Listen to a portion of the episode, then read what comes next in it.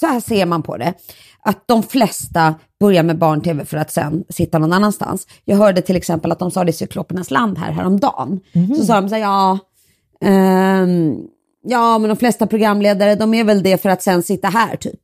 Ja, oh. alltså uh, Och då kände jag så här, vet ni vad? Nej. Vet ni vad? Nej. Jag har gjort det här i 23 år och det är inte för att jag står still. Alltså, jag upplever inte att jag står still överhuvudtaget.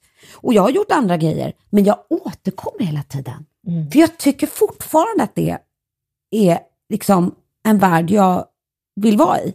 Och det behöver inte vara just tv faktiskt i och för sig, men barnkultur generellt. Och får jag berätta en liten anekdot? Vi hade någon gemensam så här, programledarträff på SVT. Det här är kanske ja, sju, sju år sedan, kanske sex, sju år sedan. Alla programledare från olika genrer möts. Och då är det en programledare från Nöje, en av våra största namn, jag säger inte vem, skittrevlig person, som, som jag inte känner alls, men som kom fram till mig lite i fikapausen och bara, men du, är du fortfarande på Bolibompa eller? Ja, ja, men precis. Nu håller jag på att göra det här och det här programmet och sådär. Så Alltså, jag fattar inte att ingen har plockat upp dig. Och jag bara... Mm. Som att det skulle gå att vänta ja, på det? Liksom. Nu, nu, nu sa jag förmodligen till, till den här personen att ja, nej, det är ju lite konstigt att jag aldrig har fått göra program för vuxna. Förmodligen sa jag så, bara för att jag var så paff. Men nu efteråt så tänker jag så här, plockat upp som att barnprogrammen skulle vara mm. nere i källaren och där uppe i finrummen, där gör vi de riktiga programmen för, för människor. Och, så. och att man liksom... Och, och, och, så sa den här personen också så här, och det är otroligt vad mycket bra grejer vi gör för barn här på SVT. Det hade vi inte behövt göra, ändå gör vi det. och man säger, ja, det här är jag skrev ner orden och berättade det sen för någon, bara för jag kände det här måste jag, jag måste smälta detta.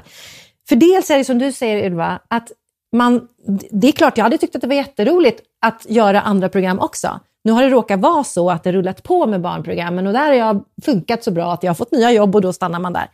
Men jag tycker att gör man barnprogram så har man det, det, vi berättade om att man får ju skapa sitt eget på ett helt annat sätt.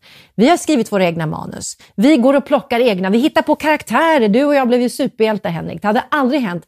Hade vi jobbat bara med vuxenprogram och det har man ju sett vissa som gör. Då hade vi fått ett litet manus i handen och så hade det varit eh, liksom, eh, 40 personer som jobbar mot samma mål. Här har du varit själv med en fotograf som heter Ingela, där man får skapa någonting. Och även om liksom, barnprogrammen såklart har utvecklats jättemycket och SVTs barnprogram, det är ju liksom ett otroligt fungerande maskineri med jättemycket duktiga producenter och programledare och allt möjligt, så är det fortfarande en otroligt kreativ miljö att vara i.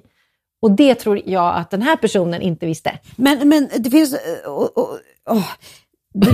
Ja, oh, eh, nej men de, dels är det den där synen på det som att bli upplockad. Men sen är det ju också något irriterande, men det här är ju rent eh, internt politiskt så att säga. Att synen på människor som jobbar med barnkultur är tyvärr också eh, väldigt nedvärderad. Ja, som att man inte klarar av. Så jag håller med på ett sätt, varför har man inte blivit upplockad, det vill säga varför har man inte fått massa andra erbjudanden? För att folk tror att jobbar man mot eller för barn så har man inte samma kapacitet eller förmåga eller eh, vad det nu är.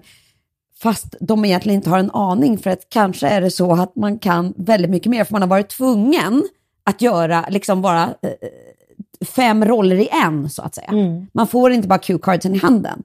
Men, men det där har liksom inte det kan jag irritera mig på. Att den, ja, liksom, själva yrkesrollen, barnprogramledare, om man säger så, det är liksom något som vem som helst bara kan winga, eh, tror folk. Liksom, att det där är ingenting. Finns det någonstans eh, också i samhället överlag, om vi pratar det svenska samhället då, en, ett förakt för barnkultur och i förlängningen kanske också för barnet? Ja, men det tror jag, för det tänkte jag på det. All barn, alltså teater, musik och tv, alla som jobbar för barn där är ju som du säger, då, ja, det är inte liksom riktigt på riktigt. Alltså. Det är mm. alltid liksom en annan division. Men jag tycker också att det har ändrat sig faktiskt. Jag tycker att barnkulturen, när det gäller tv-sidan i alla fall, har fått högre status. Mm. Um, för jag fick ju höra det där ganska på? ofta i början, de första åren, nej men bara mina egna erfarenheter. Uh. Just de första åren, då var det ju mycket mer så här, ja ah, vad kul, att komma in på tv liksom. Ah, kanske ska du börja göra riktiga program snart då. Ska mm. ska du, kanske kan sända Bingolotto sen eller? Och så, ja, men du vet man bara, fan bingo, ja ni fattar. Eh, men, men det tycker jag liksom har, det gav sig tycker jag. Alltså jag tycker det har fått en högre status. Men, eh, Jo, det håller jag med Jo, om. relativt sett ja, absolut. relativt sett, ja. Men om man tittar på samhället i stort så är det ju så här, gör man... ehm, Ja men så är det ju. Alltså, om du tar ett företag som ska... Jag jobbar väldigt mycket mot olika företag. Eh, helt ointressant i sammanhanget, men jag bara förklarar. Där man har då barnfamiljer som kunder eller vill ha det. Och då kan man ju ofta se att marknadsavdelningen på olika företag, de har miljarder pengar att lägga på marknadsföring som riktar sig till de vuxna. Men man har några tusen lappar kvar till lite ansiktsmålning till barnen. För det anses inte viktigt. Och det där möt, möter jag hela tiden. Att, eh, och, och, och jag försöker alltid tänka så här, men det är, ju, det är ju barnen, om man är ett företag som vill leva länge, då ska man ju verkligen satsa på barnen. Ja, det, det, det är det där jag tycker är ett, det där är ju en styggelse, tycker jag. Hur vi som samhälle på ett sätt vänder barnet ryggen. För att det inte berättar lika mycket om hur det är att vara vuxen, eller jag vet inte vad det är riktigt. Eller det är som att ett barn på något sätt är mindre intressant därför att den inte har lärt sig lika mycket än, inte kan säga när freden i Brömsebro slöts. Liksom. Alltså jag, jag, jag vet inte riktigt när när eller varför det är så. Därför vi har ju samtidigt en kultur där vi går omkring och dyrkar Astrid Lindgren. Det är så konstig mix av hur vi kan vända huvudet åt andra hållet så fort det handlar om någonting som kanske skulle kunna intressera en person som är åtta år. Och samtidigt gå omkring och prata om att barn läser för lite och eh, barn vet inte vem Astrid Lindgren är längre och min unge vill bara ha paddan och in, vill inte titta på Pippi från 1960-talet. Alltså det, det är någonting det är någonting skevt i det där.